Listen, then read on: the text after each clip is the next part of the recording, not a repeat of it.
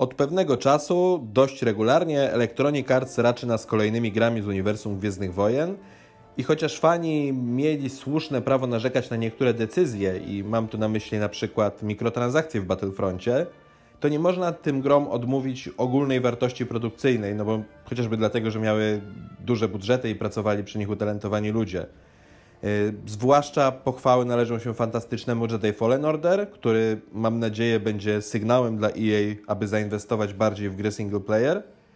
Niemniej jednak miłośnicy walk kosmicznych, a to jest jedna chyba z dwóch poza rycerzami Jedi właśnie najbardziej rozpoznawalnych rzeczy w Gwiezdnych Wojnach, no to miłośnicy walk kosmicznych mogli czuć lekki niedosyt, bo tryb z myśliwcami w Battlefroncie dwójce był naprawdę fajny, no ale nie było tam za dużo zawartości. I pojawiły się głosy, że fajnie by było, gdyby ktoś zdecydował się zrobić remake lub następcę kultowych już gier z serii X-Wing kontra TIE Fighter. Y, były to gry z lat 90., y, które właśnie, zwłaszcza pod koniec lat 90., w tych ostatnich odsłonach y, najbardziej zabłyszczały.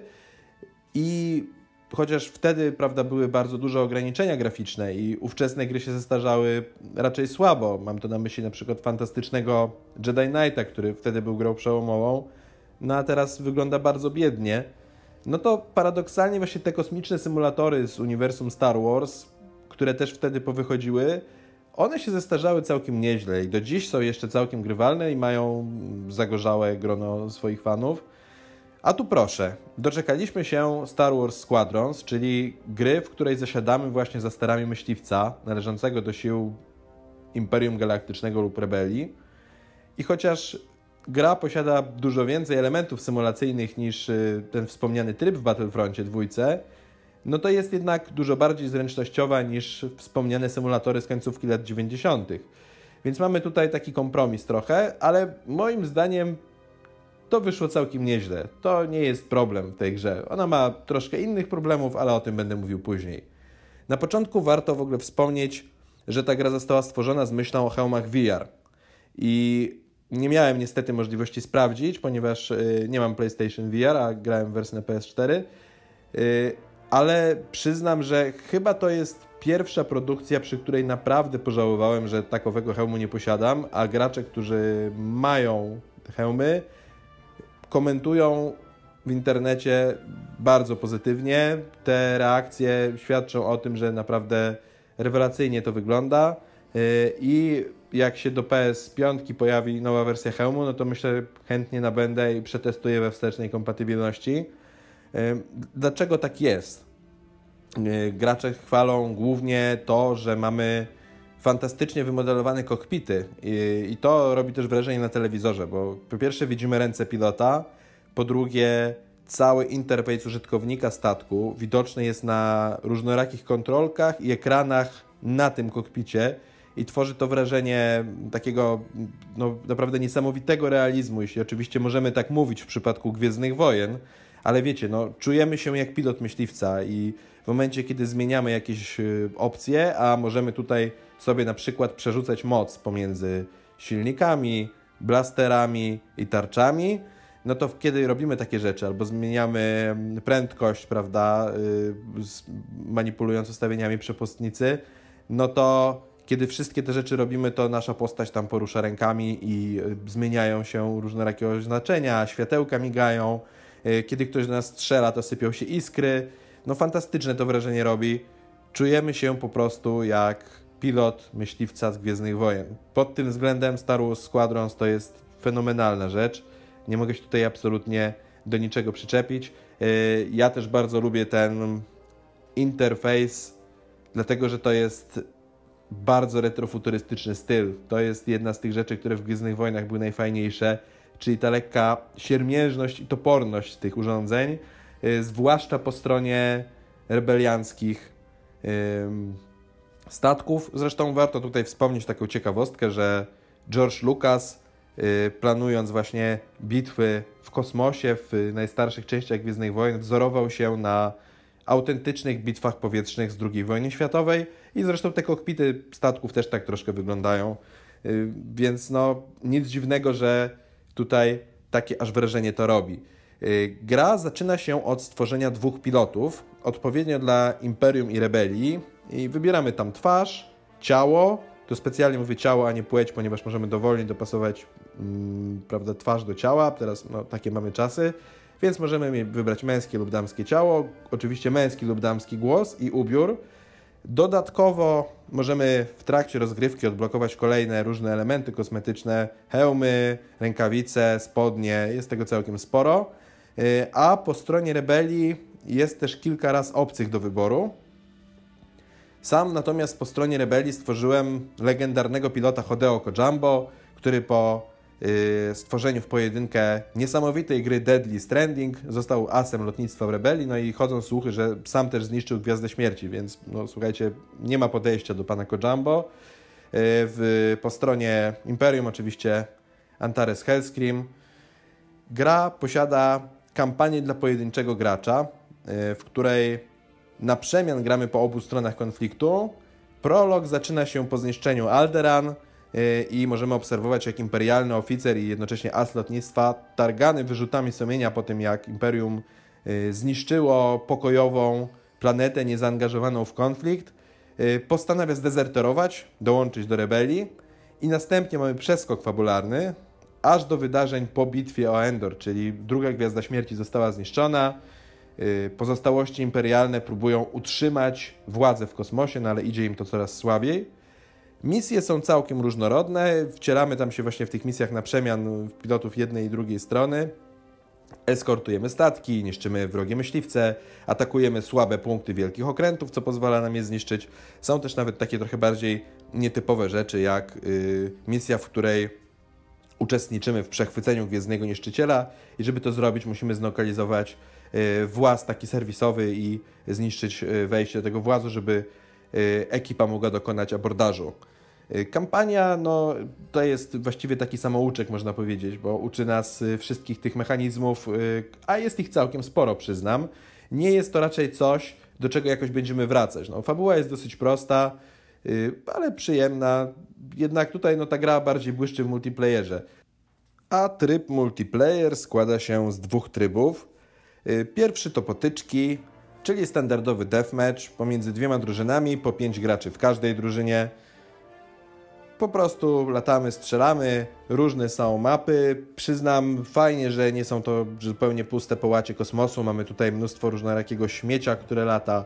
Y, jakieś y, pozostałości po zniszczonych y, okrętach, fragmenty stacji kosmicznych, pola asteroidów.